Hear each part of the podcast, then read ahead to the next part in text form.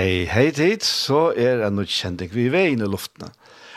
Og verst er det Daniel Ole Jakobsen sitter her stod i Kjei og i Havn, og han er her fakra frutja der, vi er ferdig og midt der. Og jeg har finnet mine gester her inn i studiet her, så. men det er vil jeg så ikke ha førskånd. Jeg er får ta seg dangst, og tenker jeg kanskje bare gesten kommer, som vi har, vi har tve gester. Og så Anna er Normauer, han Men han tar seg visst nok dangst eisen i halvtid. Vi får suttja, eller høyre rettere sagt. Så til det, men uh, dette her er til å komme fra en skola i Kolding som kallas for ACT Academy. Og til det vi får ta oss om, men jeg får først å spille der sinter. Grilla der sinter først og æren, så hvor der er det, men det kommer jo. Ja, jeg vil si velkommen til Lars Bo Olsen og Stig Hagen. Takk skal du ha. Takk og velkommen til færgerne. Mange takk. Tusen takk. Jeg ved, at Lars har været her før. Hvor er det med dig, Stig? Jamen, jeg har været her flere gange, faktisk. Okay. Så, øh, og, men jeg har aldrig været her, når det har et så fint vejr, som det er i dag. Det har vi næsten heller ikke. Nej. det har været fantastisk. Ja, det er fantastisk. Jeg tror, I kom med det. Nej, I kom først i går. Ja, så vi, vi kan ikke prale at vi tog Nej, det vi havde det for inden også. Vi har flere dage, og det er sammenhængende dage. Det er meget, meget sjældent. Mm meget sjældent. Så i hvilken sammenhæng har du været på færgerne for? Jamen, øh, jeg, jeg arbejder, har også arbejdet for Mission Uden Grænser, som, ah, øh, som okay, jo ja. øh, har også øh, været her en del på, ja. på, på, på øh, færgerne. Så, så det er spændende. Og vi har mange færinger, der også har støttet, støttet vores arbejde i Østeuropa. Og specielt nu som krigen, den også har brudt ud i Ukraine, så har vi vi har mod, modtaget meget støtte, også fra giver her i Færøen. Altså, ja. Det, okay, ja. Så det er vi meget taknemmelig for. Ja. Mm. Og Lars, du har jo været her et par gange efterhånden. Ja, jeg har ikke lige talt på, hvor mange det er. Nej. Men, det er rigtigt, jeg har været her nogle gange. Ja. Men, øh, og det er heller ikke første gang, du er i den her sammenhæng. Nej, altså, øh, sidst jeg var heroppe, øh, havde jeg også nogen med heroppe, hvor vi også talte om om Axe Academy, som jo er en bibelskole. Ja. International bibelskole i Danmark. Øh, som, ja. Den har jeg tænkt, vi kommer tilbage til. Kommer vi tilbage til, ja. Ja, men mm. inden, så vil jeg gerne have, at du fortæller lidt om dig selv, Lars. Ja, lidt om mig selv. Hvem er du, og hvad, hvad, altså, hvad er din baggrund, eller et eller andet, Lars? Ja, jamen, jeg er... Øh, jeg er... Jeg, oh, hvad, hvor skal jeg starte? Fordi jeg har egentlig haft et langt liv. Jeg er jo jeg, en, lidt, han over på banen, kan man sige. Men jeg er gift med Lene, og øh, vi har lige om lidt i maj faktisk været gift i 40 år. Wow. Så, så det må man jo sige er... Så vi er ved at vide lidt om, hvordan det er. Og vi har fem børn, og vi har fire børnebørn, og øh, bor i Herning, øh, hvor jeg er det, vi kalder ledende præst i Åben Kirke Åben Kirke er en spændende kirke, vi startede for 14 år siden, øh, hvor vi samlede to andre kirker, to kirker faktisk, Kristenscenter og Herne Minicenter, forenede dem. Øh, faktisk så fandt vi forsoning efter nogle år med, med noget, noget, hvad kan man sige, noget splittelse og sådan noget, så fandt vi tilbage i, i forsoning og fandt hinanden og startede Åben Kirke, og, øh, og det er rigtig spændende, det er vi meget glade for. En kirke, som er der for at sætte aftryk, øh, for at gøre en forskel i tiden i samfundet, øh, er der for at nå mennesker der, hvor de er. Vi vil rigtig gerne være en kirke, der ikke bare øh, kalder folk ind i kirken, men kirke ud blandt folket, øh, blandt mennesker hver eneste dag. Mm -hmm. Guds rige skal være alle steder og infiltrere vores samfund, tror vi.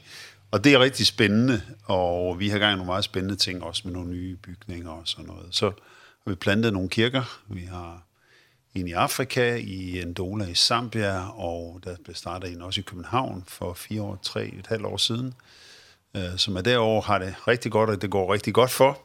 Uh, og så vi... uh, Ja, kan, i sådan kan, i de kan første stadier er at lave en, en mere faktisk i Uganda, i Kampala, i hovedstaden i Kampala. Okay. Så det, det er sådan den side af mit liv, ikke? Og så Og så er der den anden side, men, men som, kommer som, du fra Herning? Academy at gøre. Jeg, jeg er egentlig vokset op ude på vestkysten i, i en lille by, der hedder Ringkøbing, og, men der kommer jeg ikke. Altså mine forældre er jo ikke vokset op. De var der på grund af deres arbejde, så alle mine skoleår, dem havde jeg derude. Okay, ja. Øh, mit møde med Jesus, mine forældre var kristne, men jeg troede på Gud. Det var ikke sådan, jeg ikke troede på, at der var en Gud. Men det var ikke noget, der fyldte noget, eller, eller jeg fulgte efter på nogen måder. Øh, det var alt muligt andet, øh, der var i mine tanker.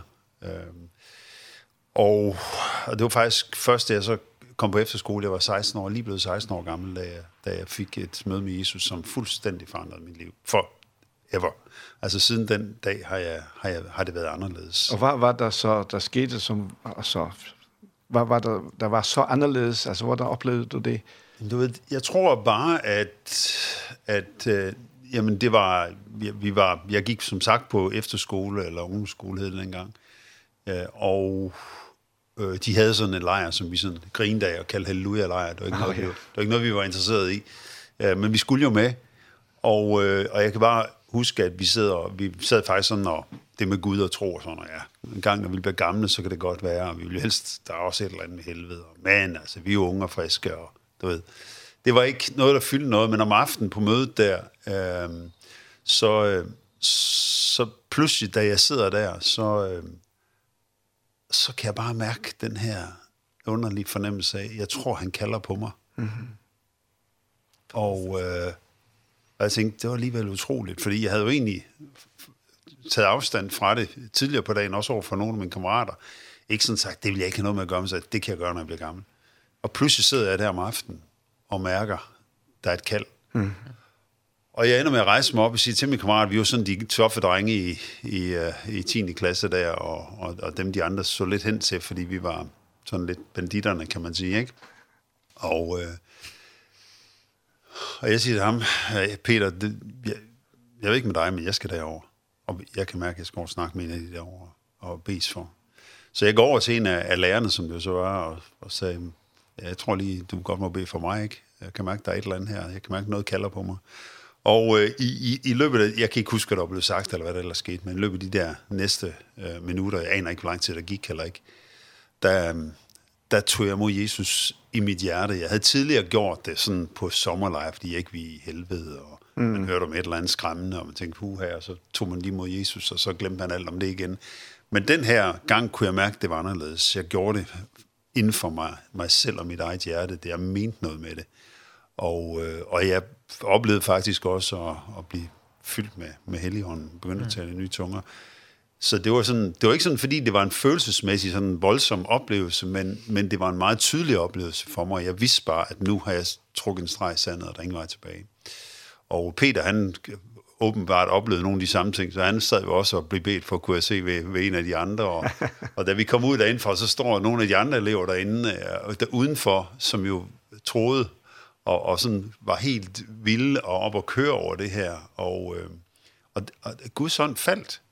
Altså, det, det endte med, at det, der blev ved at være elever, der kom ind for at tage imod Jesus der. Og jeg tror, der var en håndfuld elever måske, max to, som troede på Jesus, da vi startede. Og øh, da natten var over, der var der højst en håndfuld af eleverne, der ikke gjorde. Mm-hmm. Det var det var vækkelse. Vores liv blev fuldstændig forandret. Vi startede øh, netværksgrupper, cellegrupper på bibelskolen, bønnemøder, ungdomsmøder. Alt var totalt forandret. Ah. Jeg ringer hjem til min mor, jeg er lige fyldt 16, så siger jeg, mor, jeg, jeg, er nød, jeg har lige noget, jeg skal fortælle dig. Så siger hun til mig, det ved jeg godt. Og så siger jeg, hvad, hvad mener du med det? Jamen, jeg ved, du har noget godt at sige, fordi jeg havde en drøm i nat. Og der drømte, du kom løbende hen imod mig, og du var simpelthen så glad. Wow. Mm. Og... Øh, Og så sagde jeg, men det har du ret i, fordi jeg har taget mod Jesus. Wow. Og det, det er en ny kurs. Så, så det var min, min møde, og siden dengang for, ja, det er, jo, det er jo så mange år siden, ikke? fordi nu er jeg faktisk blevet 60, så det var en del år siden. Ja. Så det er 44 år siden. Det, der har jeg vist, ikke at jeg vil være præst, for det, det har jeg aldrig haft planer om, men, men at jeg vil tjene Jesus med mit liv. Ja. Og gøre en forskel for ham. Ja. Ja.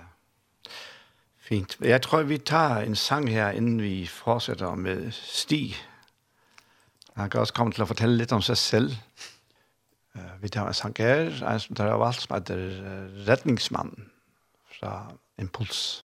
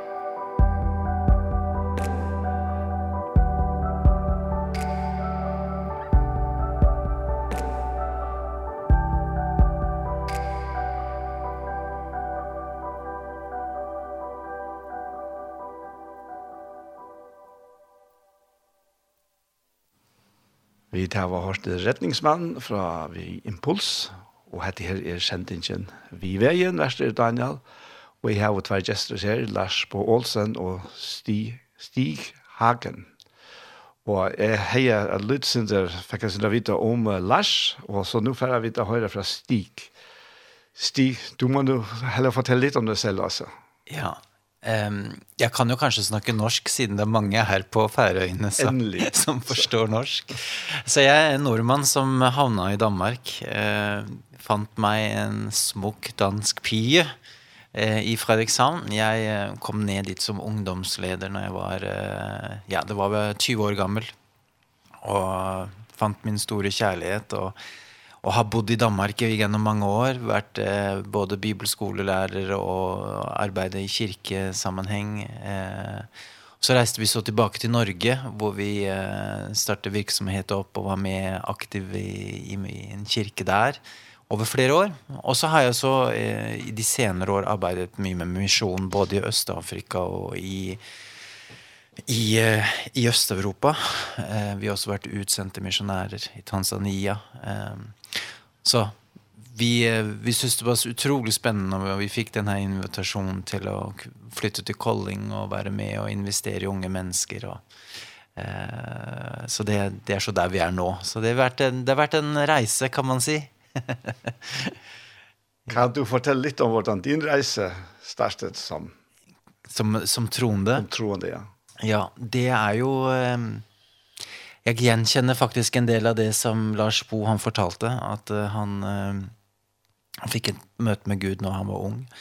Og jeg kom ikke fra noen kristen sammenheng. Uh, jeg var født uh, oppvokst i en ikke-kristen familie, og men opplevde faktisk i min barndom at det var et eller annet som kalte på meg. Ehm jeg kunne ikke sånn helt sette ord på det. Uh, Eh, och när jag var 12 år gammal så så var jag ett ett väldigt vanskligt sted i, i mitt liv. Det var jag var i ett mörke hvor jag var desperat.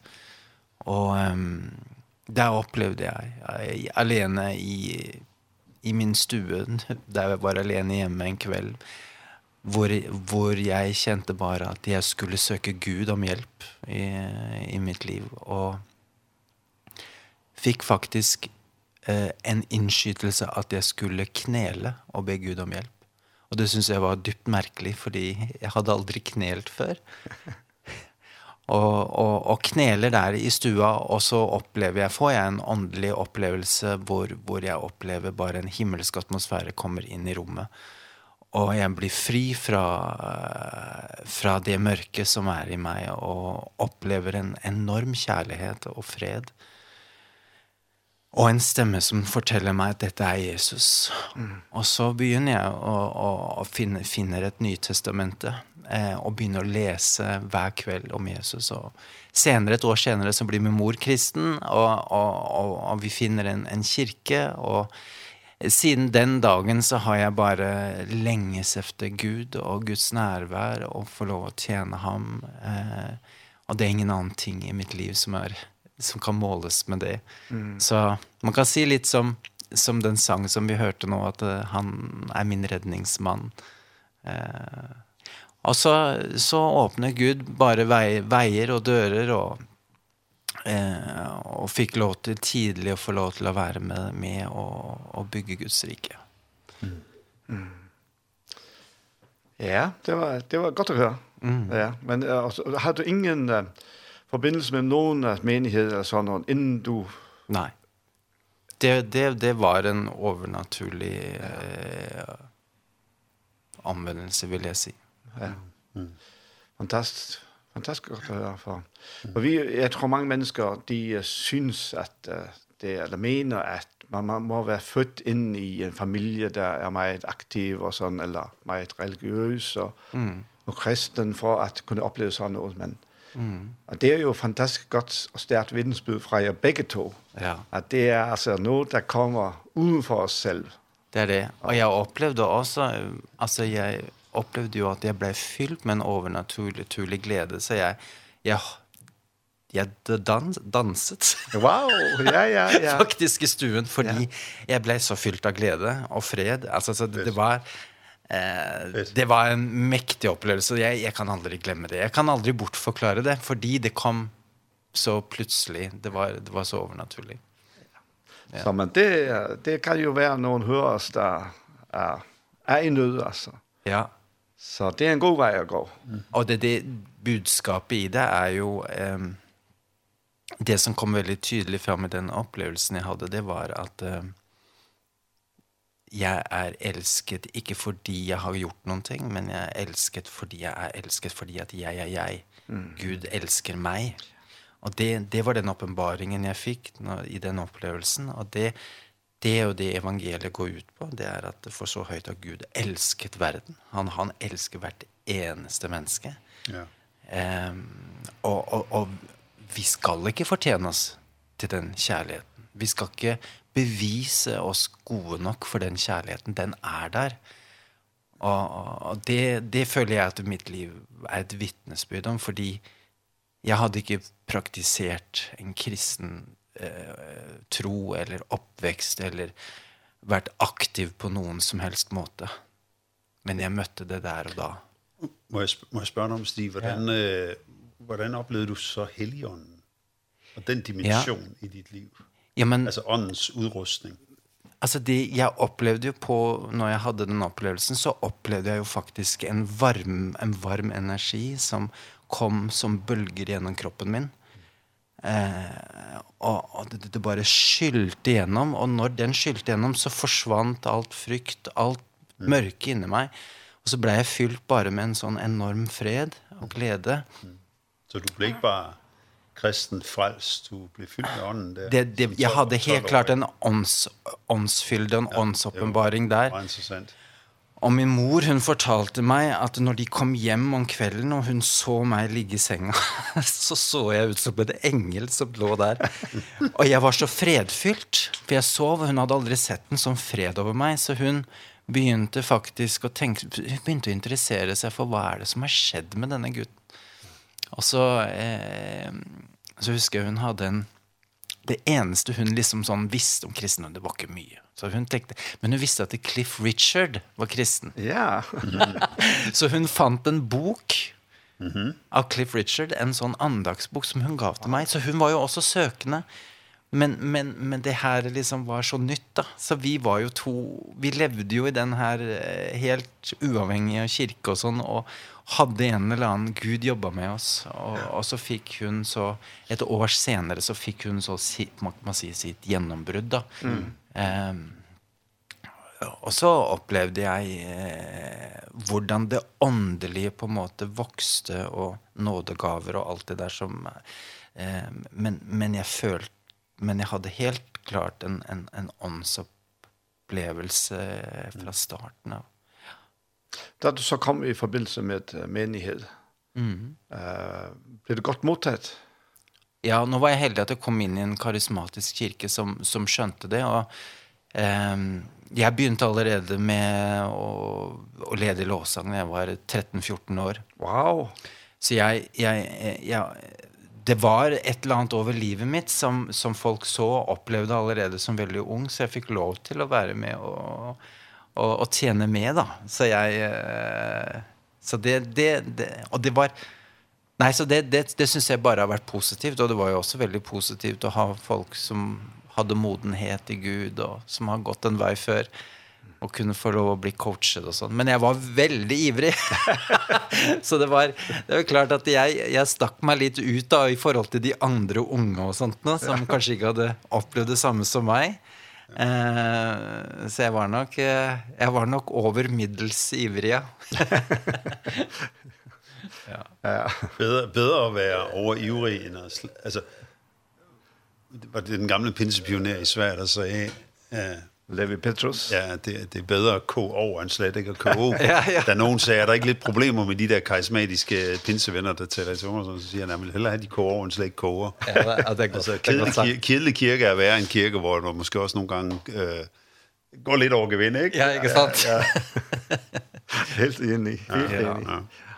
Ja, men det er fantastisk å høre, for I kommer fra helt hver sin baggrund. Ja, mm. det må man sige. Og, og har, har altså alligevel den samme oplevelse. Yes. At der kommer en... en ja.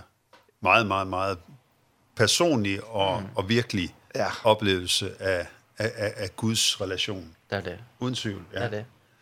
Jeg har faktisk ikke hørt Stis historie ah, okay. før, så, ja. så, så det er nyt for mig at høre det her. Ja, ja så var det godt, at I kom her i dag. Ja. godt. Ja, men fantastiskt. För det är ju det vi, vi söker, alltså. Vi mm -hmm. önskar ju allt det vi gör. Också mm. med Act ja. Academy. Ja. Og det skal jo komme til, men jeg tror, vi tager en sang for ligesom at koble lidt over. Yes, god idé. Ja, my heart is steadfast.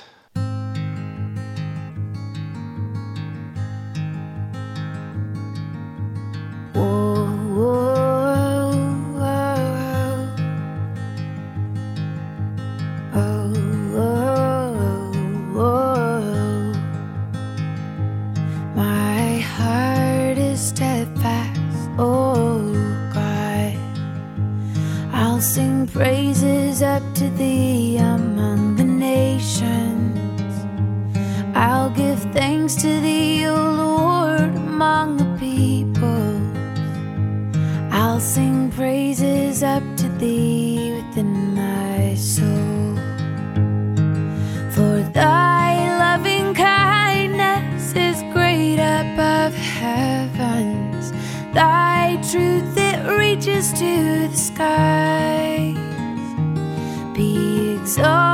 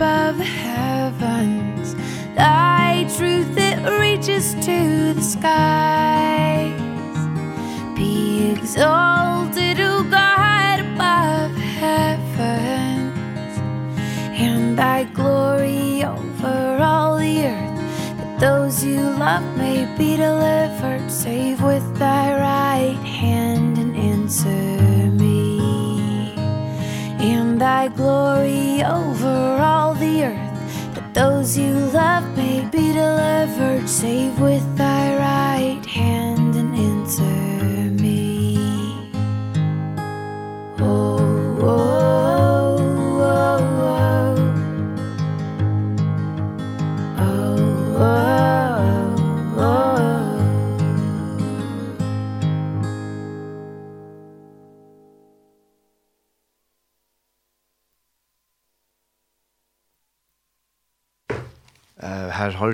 My Heart is Steadfast, og det var vi Ellie Holcomb.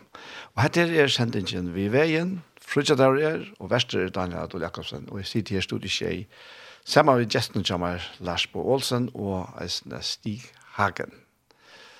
Og Lars, um, Act Academy, ja.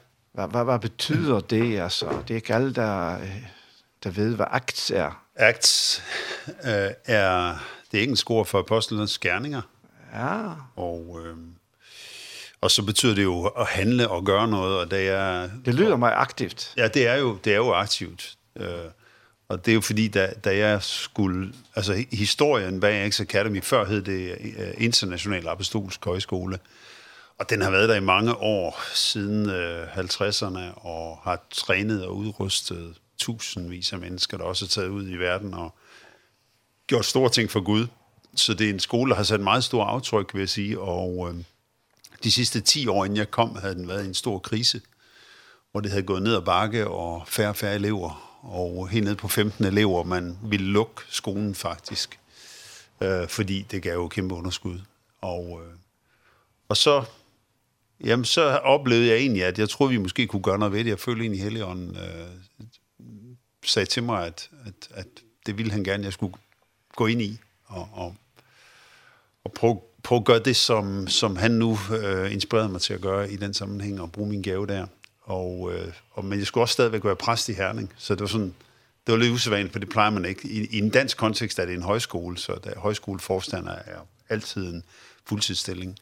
Men øh, vi fandt nogle modeller og løsninger på det, som, så det kunne lade sig gøre, fordi jeg vil gerne beholde fingrene nede i, i jorden, i mulden, mm. og sikre mig, at, at jeg ikke som øh, højskoleleder, altså bibelskoleleder, mister fornemmelsen af lokal kirke, hvad det er for noget. Så, øhm, så det, var, det var det, og, øhm, og der er, ændrede jeg jo en hel masse ting, som jeg følte, Helligånden inspirerede mig til. For, så, det tror jeg er den nemmeste måde at sige det på. Øh, følte mig inspireret til det. Og øh, en af de ting, jeg ændrede på, det var navnet. Øh, det skulle både kunne fungere på dansk og engelsk, og Og så havde jeg sådan en, en oplevelse af, at, at det vi skal med Bibelskolen, det er, at vi skal fortsætte øh, det arbejde, som bliver beskrevet i Apostlenes Gerninger. Og Apostlenes Gerninger er jo en, en, en meget, meget spændende beretning, en, en lang beretning, 28 kapitler, men en spændende beretning, hvor der er meget, rigtig meget action, altså handling. Øh, og, øh, og al den action, der er i Apostlenes Gerninger, er mm, initieret af Helligånden. Mm -hmm. Altså det faktum, at Helligånden kom og blev udgydt over øh, disciplerne, det var det, som satte gang i, det forandrede deres liv, ligesom du oplevede, Stig, du blev forandret der som 12-årig. At det, det, det forandrede deres liv, de blev pludselig frimodige, de øh, kunne noget, de ikke kunne før, de gjorde noget, de ikke gjorde før, de havde gaver og evner, som de ikke havde før. Når Helligånden kommer over et menneske, så er det ikke bare sådan en lille puff, uh, det var dejligt, det kilder lidt på ryggen. Når Helligånden kommer over menneske, så forandrer det noget ved os og inde i os, hvis vi lader ham komme til, vel og mærket. Og øh, det, her, det er Apostles gerne en lang fortælling om, og jeg vil gerne... Øh, jeg vil gerne inspirere vores elever til at leve et liv med Helligånden, mm -hmm. øh, uanset hvad de laver i, i, i øvrigt i tilværelsen, øh, så, vi kan, så Guds rige kan få sat aftryk, ikke bare i kirken, det, det, der håber jeg, at han gør det, det skulle han gerne, men uden for kirken, øh, hvor, hvor, hvor sulten i virkeligheden er størst. Det er min brand, det er min længsel. Øh, og jeg finder det meget interessant, at, at for eksempel øh, beretningen i, i Ezekiel om, om tempelkilden, det er jo ikke sikkert alle, der sidder og lytter på det her, lige ved, hvad jeg snakker om nu. Det lyder sådan lidt, lidt gammeldags. Men der er sådan en beretning der i Ezekiel, hvor der beskrives en tempelkilde, der pipler ud under templets dørtærskel, ikke sandt? Og, og så står det, det der vand, der pipler, det løber ud i landskabet, og jo længere det løber ud, jo mere vand er der, jo, jo mere fylder det, og jo mere breder det sig, og jo mere river det med sig, kan man næsten sige. Det er en positiv beretning om, om noget, der kommer fra Gud, som skaber liv i samfundet omkring os. Og, øh, og det, som jeg synes finder interessant i det, det er, at jo længere kilden er væk fra templet, kirken kunne vi så kalde det, øh, jo, jo, jo mere vand er der. Altså, jo større effekt har den.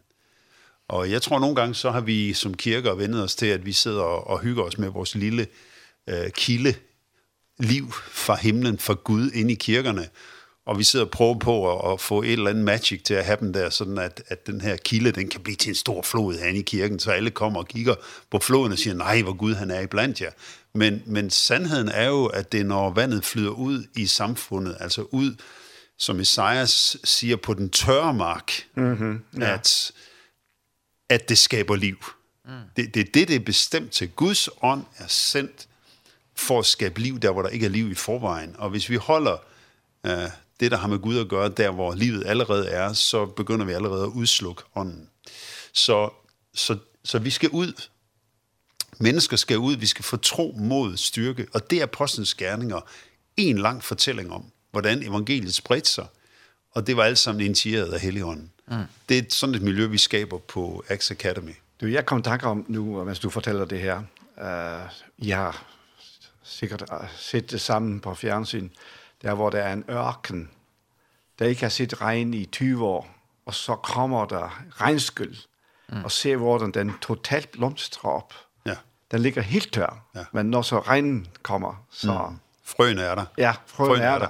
Og det er det også i mennesket. Altså, ja. Bibelen siger, at Gud har lagt evigheden i menneskets hjerte. Det vil sige, da han blæste livsånden i dem, øh, i, i, i start, fra starten af, der, der lagde han også evigheden. Mm. Altså et, et, et, et frø af ham selv, kan man næsten sige, ind i menneskets indre. Og, øh, og, og det, der skal til for, at det bliver levende gjort, det er, at der kommer vand til det, som du ganske rigtigt ja. siger her. Ja. Og, og det, det er det billede, Bibelen bruger på troen på Jesus, men også, også Helligåndens udgydelse over vores liv.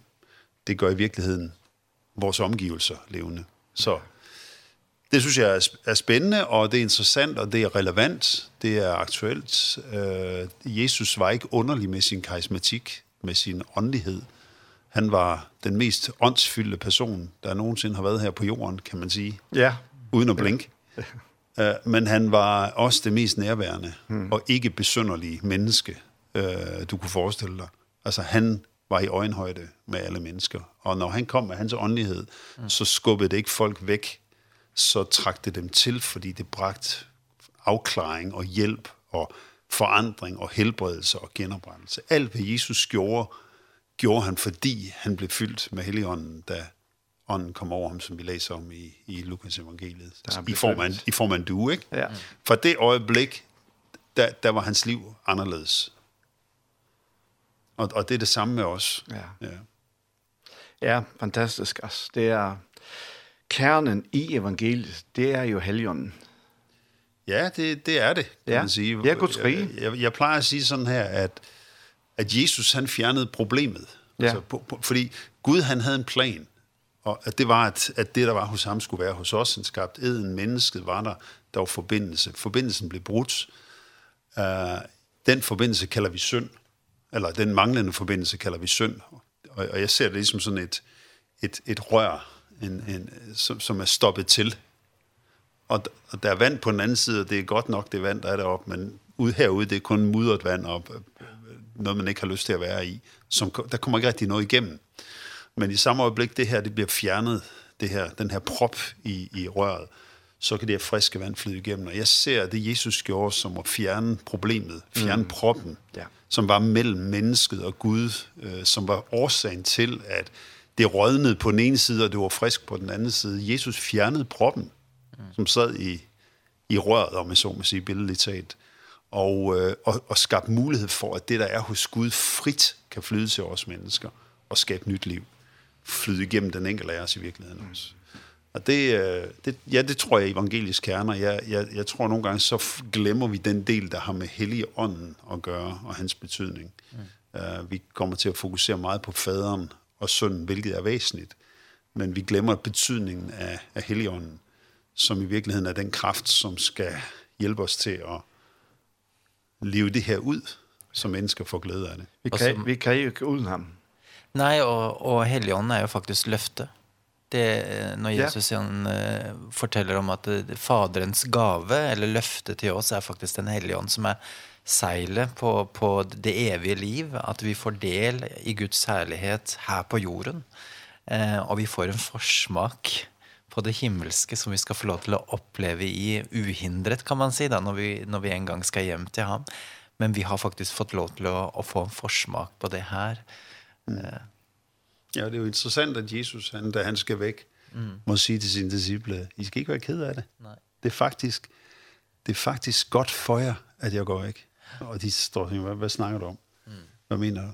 Det er godt for, at jeg går væk, fordi hvis ikke jeg forsvinder, så kan faderen ikke sende Helligånden. Ja. Men når jeg er væk, så kommer han. Ja. Og det er meget bedre for jer, end at have mig blandt jer. Fordi mig, det er mig. Mm. Men når Helligånden kommer, så er jeg alle steder. I alle. Mm. Og det var powerfult, faktisk. Det var jo faktisk også hemmeligheden i det vidnesbyrd, du fortalte her for, for, eller, i begge to. Absolutt. Det var, at der kom en person egentlig, mm. som, som, som ikke var der før. Og det interessante er jo at det, det står jo at når, han kom, når Helion kommer, så skal han vittne om meg, sier Jesus. Han, sa, han skal ja. peke på Jesus. Og det, det var jo det jeg opplevde når jeg hadde den opplevelsen. Eh, når jeg lurte på hva er det her. Og så er det bare et rungende Jesus. Mm. Det er Jesus. Ja. Og så fant jeg Jesus. Fantastisk. ja. Helt, helt. Du, uh, Lars, du, uh, du havde en, en, en, en, en, faktisk to sange.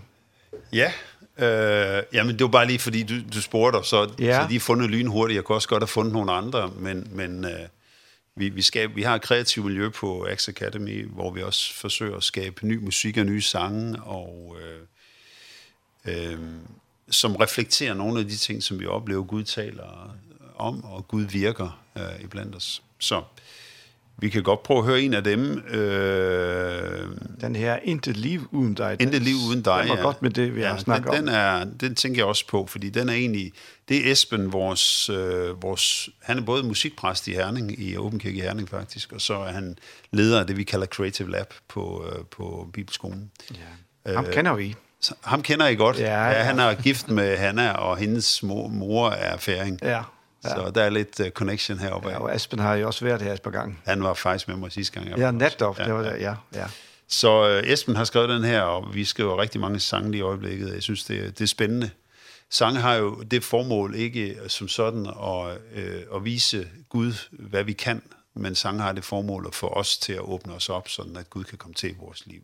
Mm. Og det, det er det, vi prøver, når vi, når vi skriver sange på den måde her. Så. Vi tager den her.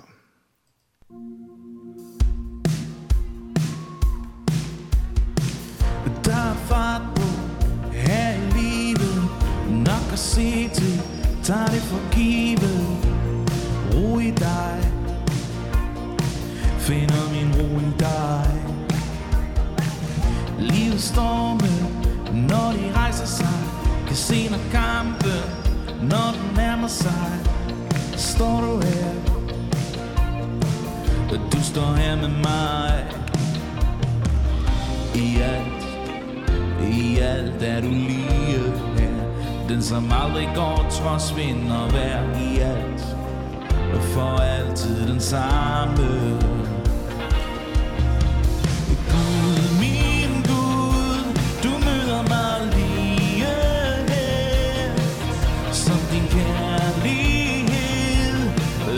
Sun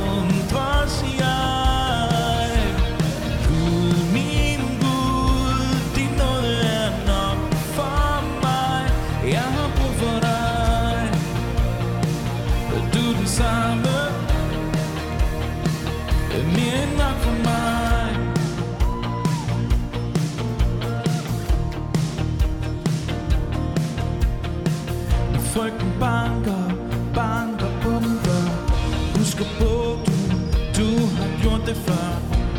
Men hør min bøn. Du hører den bøn jeg har. Ser mod himlen Og en kun dig.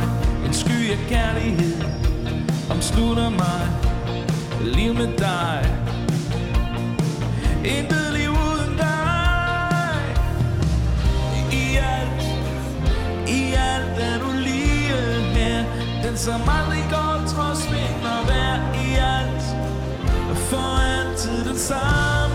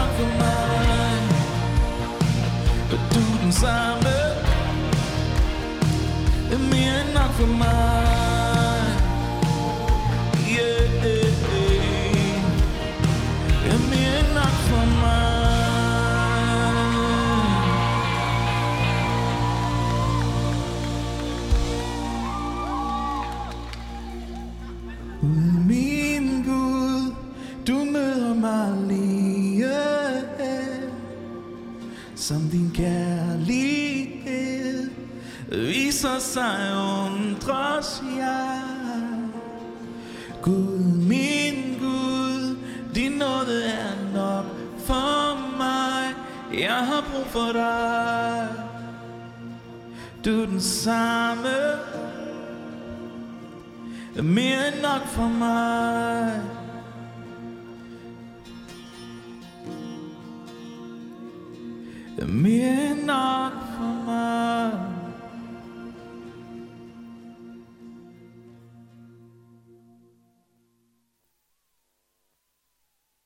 Ja, vi tar det her sangen Intet liv uden deg. Og det her uh, live from Act Generation Summer 2022. Ja, 22, sier Ja, 22. Ja, ja. Det var ja. siste år. ja. Yes. Fantastisk. Hette er sangen vi veien. Vester Daniel, og jeg sitter i studiet sammen med Justin Jamal Larsbo Olsen og Stig Hagen. Så hvis nogen gerne vil opleve 23-udgaven af det ja. her, så er de velkommen. Det er i uge 27. Ja, fortæl lidt første, om det. Første uge af juli. Det, er, det hedder Axe Generations. Det er et nyt ministry, vi har startet i Apostolsk i Danmark for, for at opflamme en ny ung generation og en teenage-generation for Jesus. Og øh, det er, der er nogle sindssyge øh, brændende mennesker i spidsen for det, og, øh, og virkelig, det er virkelig, virkelig godt. Jeg forventer mig meget af det. Og de har så sommercamp, som det hedder, eller, eller youth camp øh, og teen camp, det blandes sammen, og så bliver det til en eksplosion af, af Jesus og, og øh, rigtig, rigtig spændende ting. Så, øh, så det, det, det, der, det skulle være fint at... Hvornår, og hvornår bliver så det? Ja, det er den første uge i juli. Og den første uge i juli, ja. ja, ja. Og kan man, u 27. Kan man læse om det nogen steder? Ja, det kan du på... Ja. Øh, man kan gå ind på på man kan bare søge på X Generations. Okay, ja. Eh .dk så kan du faktisk finde det der. Ja. Ja. Eller gå ind på Bibelskolens hjemmeside eller Apostolskirke Danmark. Det linker alt sammen til til det samme. Ja. Ja. Ja, ja. Du jeg har lyst til at spørge så Stig er han så kommet til til Act Academy i forbindelse med dig eller ja. var han derinde? Nej, Stig er Stig er kommet. Ja ja, ja, der var jo nogle lærere, der ikke skulle være der, andre skulle være. Altså, man laver om på jo hele setup'et, kan man sige, når man går ind i sådan noget her. Og, øh, og da jeg stod og manglede en, en ny øh, lærer, så, så var det Stig, der, der kom til mig. Og, øh, og det var lidt mærkeligt, fordi jeg, går ind, jeg havde mødt ham kort øh, nu her, så jeg, jeg kunne huske ham, men jeg kunne huske ham tilbage fra 90'erne. Ah. Øh, og, og der kan jeg huske, at, at jeg var stødt på ham, og jeg, jeg mærkede øh, den ånd, der var over ham også, når han for eksempel ledte i lovsang. Der var noget der, jeg, jeg connectede med. Og så vidste jeg, at han, havde, han var i færd med at læse en, en master på Fuller i ledelse og, og, og teologi. Og, øh, og, det, og det, den der kombination, det var det, jeg ligesom udfordrede, øh, kan man sige. Mm. Og, øh, og, jeg, og jeg gav ham et tilbud, han ikke kunne afslå.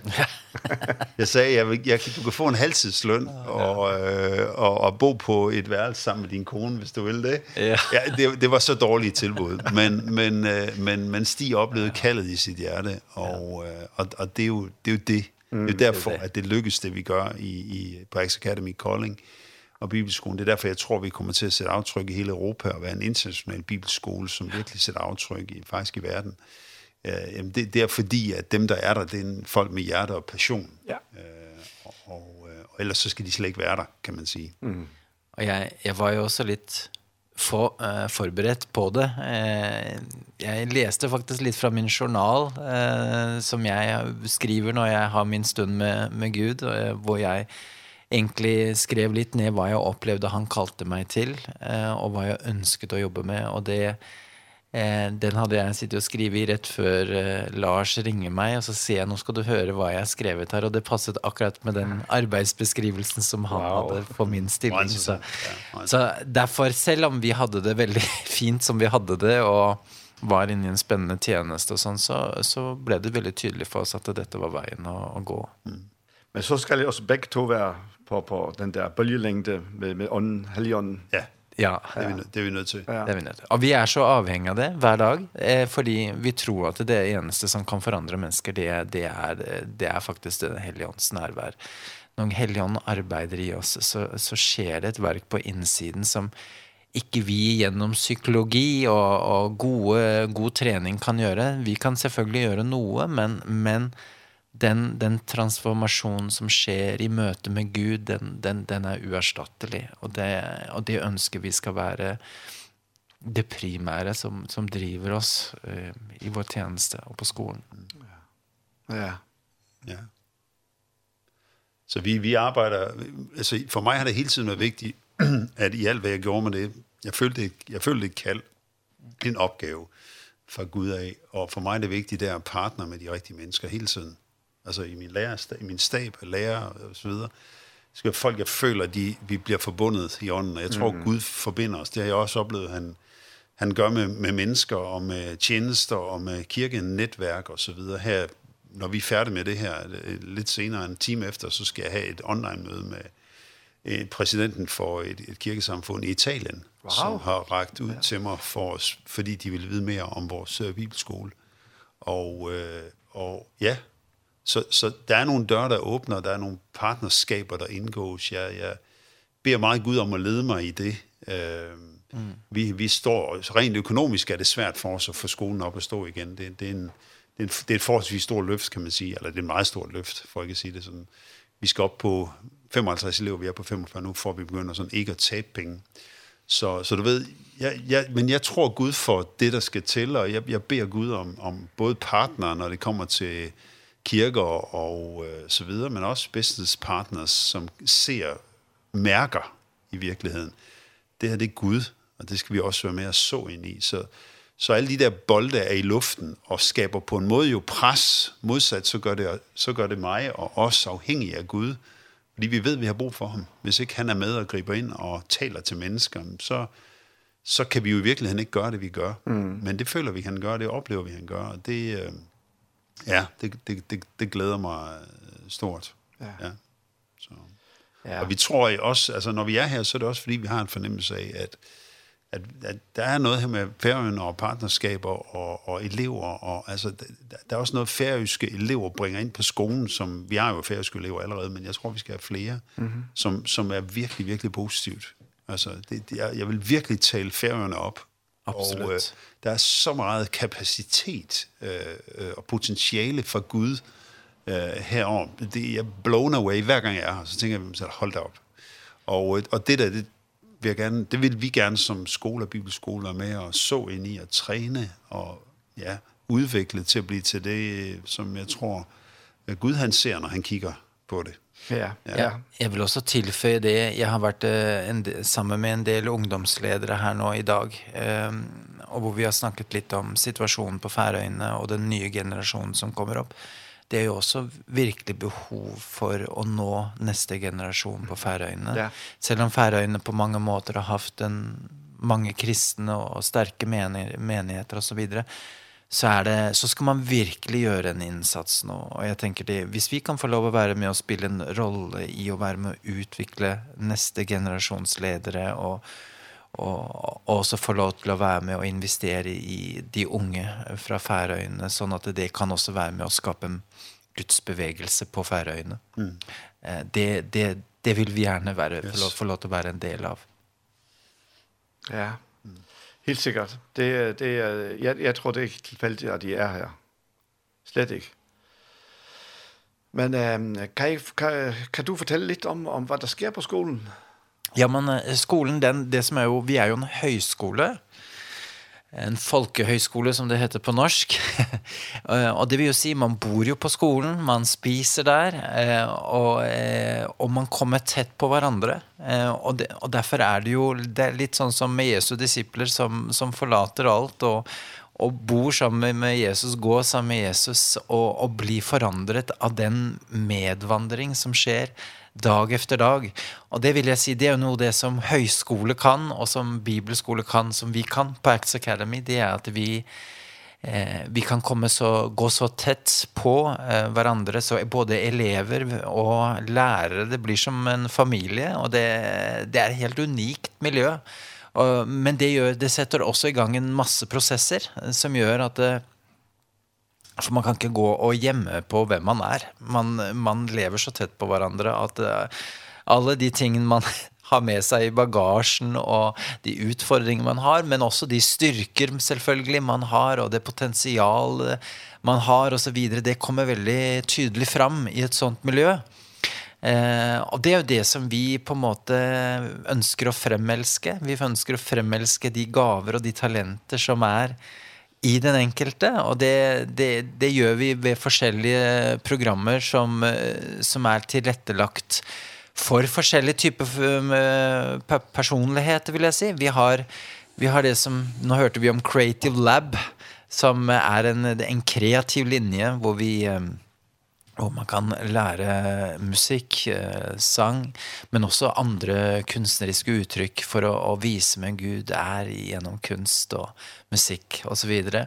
Eh vi har ledarskap eh hvor vi hvor vi snakker igenom en del av de utfordringene det er å være leder og hvordan man kan bli en god leder. Man lærer kommunikasjon. Eh vi har helt klart ett väldigt starkt fokus på på Bibeln, på teologisk eh träning och har teologer som underviser eh i eh, the basics alltså i, i och om man blir verkligen klädd på till eh, till livet vill jag säga. Si. Ehm um, och så är det hela den andliga dimensionen som vi har snackat om. Vi har vi har något som vi kallar spiritual intelligence eh som eh, som handlar om det och också uppöva sin vad kan man säga sin andliga intelligens att man lärer att lyssna till Gud. Eh man lærer til å gå med den hellige ånd, eh, man lærer til å betjene hverandre eh, og bruke nådegavene. Eh, så jeg synes vi har en veldig sånn helhetlig pakke som, eh, som er veldig livsforvandlende. Eh, og lov, i det, også alt det her er pakka inn i, i lovsang og bønn. Og, og, så det er et fantastisk år, eh, og det er kanskje det, det viktigste året i ditt liv, vil jeg si. Eh, så... Eh, å ta ett sånt år, det kan bety, det kan være alfa og omega. Ja, høyskole, så hva, hva er alle spent? Uh... Uh, det starter ved, ved 18 år, og så går det egentlig opp. Altså, jamen, der er ingen øvre grænse, kan man sige. Nej. Hovedparten af vores elever er i 20'erne. Så har vi nogle del i 30'erne, der er også nogle i 40'erne. Vi uh, har, ikke i øjeblikket, men vi har også haft nogle i 50'erne. Okej. Okay. Så, ja. Så I får det sige, til næste år, som er i 50'erne. Ja. Mm. Så det, det er noget med, at du tager, altså du er et andet sted i livet, og du tager, du røver et, et, et år ud og, og sætter det af til, til bibelskole. Det kan en hel masse. Der er også nogen, der er kommet, som var gået igennem skilsmisse, og nu var alene, og skulle finde ud af sig selv, og komme videre og sådan noget. Ikke? Så der er alle mulige variationer, vil jeg sige, af livssituationer, men det er ikke kun hovedparten er unge, øh, men det er ikke kun for unge, det kan også sagtens være folk, der lige har brug for et, et, et, ja, et, et, en pause. Mm. Vi kører til halvårskurser, men, altså, så det er et efterårskursus og et forårskursus, vi kører. Vi anbefaler, at man tager et helt år, men man kan i princippet godt bare tage et, et halvt. For eksempel vores efterårskursus nu her, det er 19 uger, det vil sige, det starter i, i august, starten af august og slutter lige en jul. Det, det er vores efterårskursus. Så det kan man tage bare sånn isoleret set. Ja. ja. Jeg vil også tilføye at det, det er riktig godt for familier å komme. Vi har ja. alltid hatt familier som har vært der med barn, og det er jo et det er jo vi er, det er barnehage rett på andre siden av gata og, og skole også eh, og det er et miljø som barna trives i og det at man som familie kan ta en liten pause og si hva, hva skal vi med livet vårt hvordan nå er vi hva er neste kapittel eh, Ja, der har vi faktiskt ett par från från Färöarna for øyeblikket som ja. som har en sån paus i livet hvor de söker Gud för neste kapitel. Ja, de de vil vara der i i ett efterårskursus sista år, ikke? alltså fire månader men man kunne mærke at at Gud gjorde så meget i deres liv, så så de de havde bare brug for at, at blive lidt længere og lade Gud arbejde videre med dem, ikke? kommer fra en kirke her i, i Torshavn. Mm. Har deres lille datter Elisabeth med på, på et år, og hun er jo blevet lidt ældre nu, men alles darling, og ja, det er, det er, det er fantastisk uh, miljø. Mm. Så, så man lærer rigtig, rigtig meget af at gå så tæt med andre mennesker, og være i sådan et miljø, hvor der både er lovsang og tilbedelse, og træning og discipleskab, og mentorering og personlighedsudvikling. Ja, der, der, man får etableret nogle rytmer i sit liv, som man kan holde holde fast i resten af livet. Og for nogen betyder det også, at man finder en ægtefælle jo, øh, faktisk. For, og det er jo ikke, altså det er jo, det er jo, det skal man ikke underkende betydningen af. Altså det, det, det kan jeg se, mange, der gør det, det, det, det kommer til at betyde noget for hele deres liv, ikke? Altså, ja. de, de finder den, de har lyst til at dele livet sammen med. Det er et godt miljø at finde. Ja, det er et meget godt miljø. Altså, ja. hvis man sådan går og tænker, at det kunne da også være interessant at blive blive gift den dag, eller finde, finde sin udkårende, så, så er højskole og bibelskole et virkelig godt miljø. Især fordi vi bor sammen. Altså, der bor så mange ja. i huset, ikke?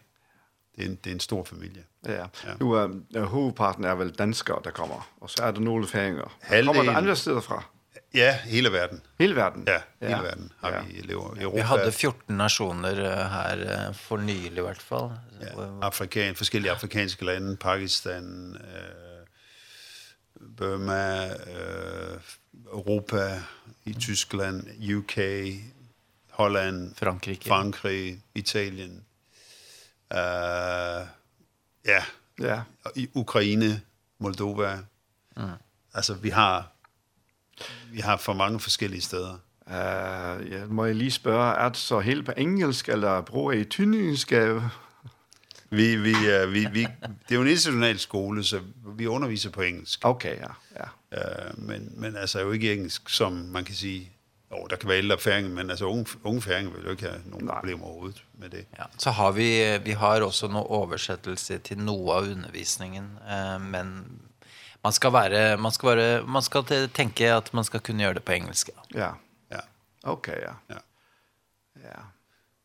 Og det er fordi, vi siger, vi er ikke kun, altså, vi er ikke kun bibelskole for, for Danmark. Vi ligger i Danmark, og vi ved, hvor vi kommer fra, men, men vi kaldet er til mere. Det er et internationalt kald. Det er Europa. Det er nationerne.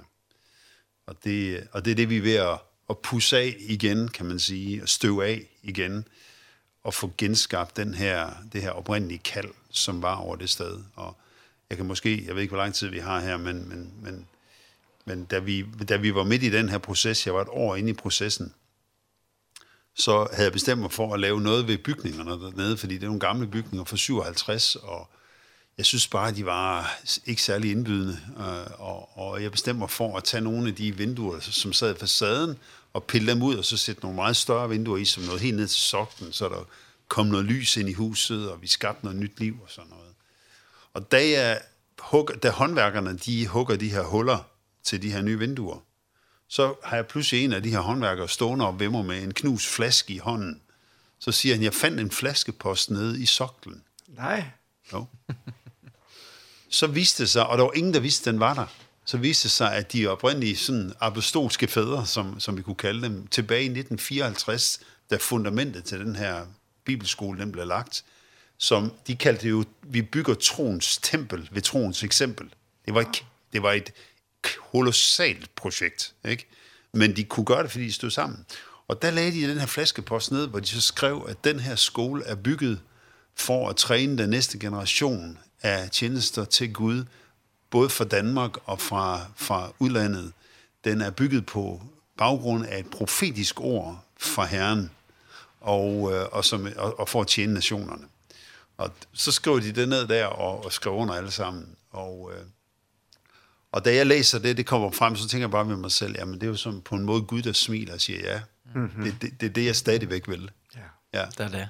Jeg vil træne næste generation fra nationerne. Ja. Og det vi gør der, dengang, det blev til ved fælles hjælp, det gør det også i dag. Mm. Ja. Der er ingen, der kan alene. Vi skal hjælpe hinanden, vi skal stå sammen. Ja. Hvis vi står sammen, så har vi en voldsom kraft. Mm. Ja. Uh, når Paulus siger i Romerne 12, at vi skal ikke tænke højere, end vi skal, Det næste, han så siger, det er, at vi er flere. Ja. Vi står sammen. Vi er et lem. Ja. Så, så hvis vi tænker, at vi kan selv, ja. det hele selv, så tænker vi for højt. Det gør vi. Ja, men ingen, når vi er står sammen det er der ingen, der så, kan. som, som kristi lægeme, ja. så, så, så sker tingene bare. At der er u, uanede mængder af, af kraft tilgængelig mm. i, øh, i enhed. Ja. Øh, og enhed kræver ydmyghed. Uh, enhed kræver, at din styrke ikke bliver din... Altså vores styrke kan godt nogle gange blive vores, øh, vores problem, fordi vi tænker, vi, vi kan selv. Uh, det er det jo også i et ægteskab. Men i det øjeblik, du bliver ydmyg og erkender, at jeg har noget, jeg er god til, men jeg har også noget, jeg ikke er god til, så samler du mennesker omkring dig, som kan noget andet. Og jeg er ikke skræmt af at have mennesker. Stig er bedre til mig, til mange ting. Det er jeg ikke skræmt af. For mig er det det, det handler om. At vi samler mennesker omkring mig, som er dygtigere til tings end mig. På den måde kan vi bygge noget større ja. og noget mere, og sætte større aftryk. Det, det, og det er lederskab. Mm. Og det er også det, vi ønsker at skabe i vores elever. Jo. Det, det er evnen til at bygge teams, bygge uanset hvor i, ver- i samfundet de så kommer til at arbejde, om det er i kirken eller uden for kirken, det er egentlig lige meget, men det er de samme elementer, der er i spil, når vi skal bygge noget. Uh, vi har brug for at se potentialet, der ligger i det enkelte, så frigøre det og tale det frem og tro på det, og hæppe på det, og have tillid til det. Det gør vi også i Herning. Åben kirke i Herning er sådan en historie. Det kunne vi tale om en hel time mere. Det skal jeg ikke gøre. Det kan være, at jeg siger lidt om det på søndag faktisk, hvor jeg skal tale i, uh, i Citykirken, hvor du også er, ja. Daniel. Det bliver så klokken 1. Det, det tror jeg, det tror ja. jeg faktisk jeg gør. Siger nogle af de ting, fordi det er noget med the power, altså the power of unity, kraften i enhed. Mm. Som jeg bare har set nogle eksempler på, som jeg har altså også lige nyligt nu her i Herning, som blow my mind away. Kan du det, det er, et eksempel det er så cra- Nej, men det er så crazy. Jeg vil helst ikke sige det her. Nej. Okay. Men jeg kan, bare, jeg kan bare sige, at, at, at, at vi har set Gud... Jamen altså, det jeg lige fortalte før fra skolen af, hvor de byggede øh, højskolen jo. Ja. Øh, altså, det var et, det er jo 6.000 kvadratmeter bygning på en fantastisk grund midt i Kolding, men ned til en sø. Eh det, det var i troen, de var måske 1000 medlemmer dengang i kirkesamfundet, og de byggede det der og betalte for det der. Ja. Øh, altså det var fordi alle stod sammen, fordi mm. alle gjorde deres del af det, at det kunne lade sig gøre. Vi har brug for at tage den tilbage igen mm. som kirke. At forstå, at det er ikke nogen få, der skal gøre det. Det er ikke nogen få, der skal sidde med nogle store ressourcer og klare det hele. Det er os alle sammen med, med det, vi kan. Altså vores lille skovl med sand er det afgørende. Ja. Og øh, jeg, har, jeg har et billede, jeg elsker at kigge på en gang imellem. Det er det, var, det her skib øh, fra Evergreen sad fast nede i Suezkanalen. Oh, ja. Tilbage i foråret øh, 21, ikke? Og i marts, tror jeg, det var 21. Og øh, der så vi nogle billeder, der kom frem af, af det her kæmpe store skib, og så var der en lille gravmaskine, der stod ved siden af den. Vi fyldte ingenting, den stod og gravede sand væk. Og så tænker jeg med mig selv, ja, Men den skål sand, den er vigtig.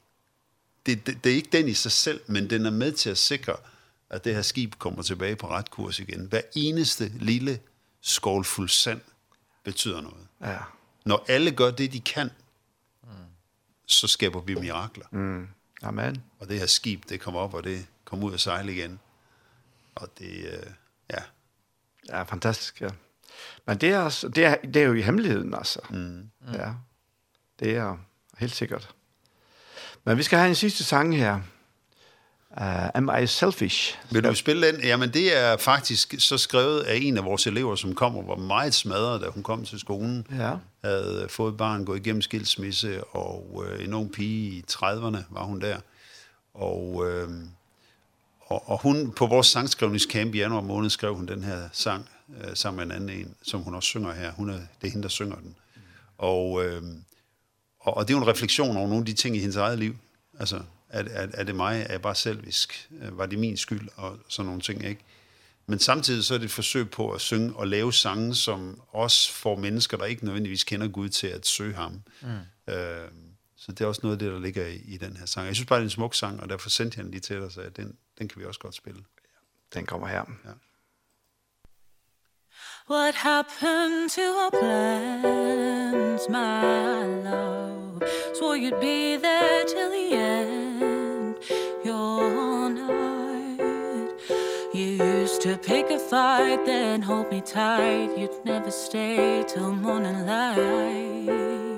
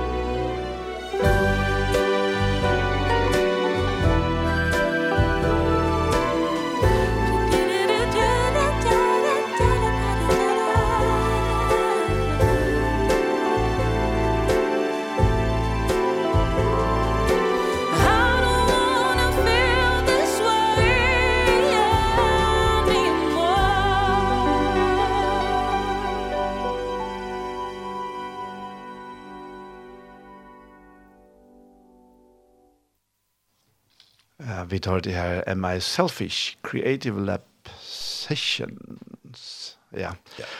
Amy, Amy. Amy, ja. Amy, Joy. Joy. Noah yes. Larsen. Yes. Ja. Lige præcis. Ja. Det er nogen, der kender Noah-navnet her på færgerne. Ja. Nora-navnet. Ja. Er det fra... fra Johnny. Ja, men det, det er et... Øh, nu ved jeg ikke, hvor langt vi er ude, om det er barnebarn eller ja, oldebarn, okay, men ja. det er jo i den det, ja. det, det er i den slægt. Ja. ja. Jamen, det lyder fantastisk. Så, ja, det, det, er, det er meget smukt. Og det hele er jo, det, alt det her, det er jo lavet på uh, Axe Academy, elever og musikere, og der, vi har der som, som elever. Og, og jeg synes, og det gør mig glad at, at mærke, når, når der bliver lagt hjerte i det, og folk mm. bliver dygtige til at, at skabe noget, som kan inspirere andre. Jeg synes, den her, den har, den har meget potentiale, tror jeg, faktisk, ja. den sang her. Men uh, du, uh, Lars, uh, du skal jo videre nu. Ja, det skal jeg. Så vi må desværre sige farvel til dig. Men det, vi det var er, hyggeligt. Så det var fantastisk, har det været. Og øh, hvis, man, høre. hvis man er ung og kan lide at, at tale engelsk og høre engelsk, så i aften er der et fælles ungdomsmøde faktisk mm. i Citykirken. Ja. For det er alle kirkerne, tror jeg, ja. på en eller anden måde. Frikirker, jeg ved det ikke. Ja. Mange af dem i hvert fald. Det er i hvert fald fælles. Ja. Så der, det er klokken 8. Så folk er, I er velkommen til at Ja, och där kan man också där kan man också få lite mer information om Max Academy mm. om man är intresserad i det. Ja, ja. Så tusen tack Lars. Velbekomme. Ja, vi ses. Ja, det gör vi. Ja. Ja, men uh, vi vi färdar runt där nu vet. Men uh, Stig. Ja. Det jag tänkte, har du något att lägga till nu? Nej, inte annat än att jag, jag er takknemlig för at vi fick låta vara med i, det, i radioprogrammet. Tack för den generositeten och att du ger oss tid till att både dela det Gud han gör i vår liv och, och fortelle om, om det arbete som vi står i. Så tack för det. Ja, men jag er så takknemlig för att jag kom. Tack för det. Ja, det är helt säkert. Jeg havde faktisk ingen gæst her til nu, så jeg havde tænkt på en, en, en genudsendelse af et eller andet, men uh, så pludselig så kom jeg i tanke om, at jamen, vi har to her. Ja, ja, ja. Og, især, og vi bliver gerne med en anden gang også. Ja, ja, I skal altid være velkommen her. Mm. Du, um, men uh, Stig, uh, kan du bede en bøn? Det vil jeg gerne. Ja.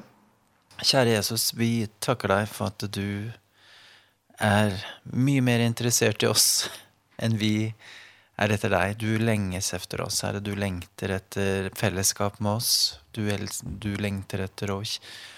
Att vi lär dig att känna eh, i djup av vårt hjärta eh, och att vi kan få lov til att uppleva din kjærlighet och, och se din storhet. Tackar dig för det nærvær som vi kan få lov til att uppleva när vi är sammen med dig och den livgivande livgivende ånd som du har gitt til oss eh, når vi får lov til å åpne våre hjerter opp for deg. Og jeg bare ber for alle de som lytter med her, eh, at de skal bare få lov til å oppleve at du rører ved dem, at de kan få lov til å kjenne seg elsket, at du fyller dem med fred og med ro, men også med håp og tro for framtiden, fordi alt ligger i dine hender, og vi kan få lov til å vende, til, vende oss til deg, og finne hjelp i rett tid. Takker deg for du er med oss. Amen. Amen. Amen. Stig, jeg vil si så tusen takk for at du kom sammen med Lars Bo. Det har vært en fornøyelse. Ja, jeg skulle lige til å si det. det har vært en fornøyelse for oss også. Du, um, uh, inden vi helt slutter, kan du så lige fortelle, hvad sker der nu? I aften blir der så ungdoms, fælles ungdomsmøde ja. i City Church. Det, det gör det nämligen. På imorgon och på söndag? Ja, alltså vi i, i på morgonen på lördag så har vi faktiskt ett informationsmöte om om ett ett studieprogram som vi har på på X Academy. Vi tillbör nämligen att man kan eh gå igång med en teologisk utdannelse, en bachelor degree i samarbete med med något som heter Global University Så klokken ti eh, i City Church så holder vi et informasjonsmøte for dem som ønsker å studere.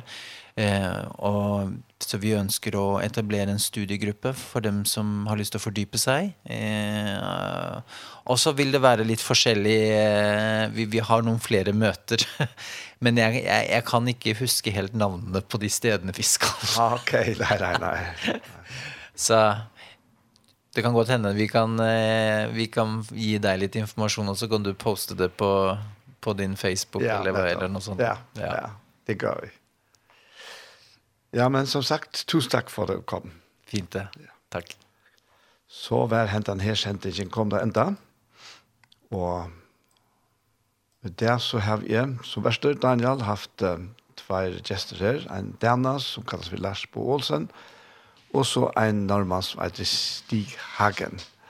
Og det vi ser av hva verste Høyre, først høyre at her er vittnesbord, vi så imisk om bakgrunden, og allikevel så kjenner jeg den samme herre komme til dere. Og det er fantastisk høyst, og så jeg forteller om det her Acts Academy, det her haskolen nede i Kolding, som, ja, det er, er fantastisk høyre. Og Og helt og bare fikk enda vi, så vil hente her sendingen, han vil enda sende kvöld klokkan nutje, og atter og i morgen er det klokkan fem, og kvöld til altså frutja kvöld. Frutja kvöld klokkan nutje, og leia morgen klokkan fem, så vil jeg til enda sendt, og det kommer eisne å være lagt ut av bei heimasen Jokon, og imser pottar som, som vi blir bruka til er til. Så etter er best å sia tusen takk for jeg og ha et godt og valgsikna vikskifte. Takk for dokta ting til ikkje Ein so hansen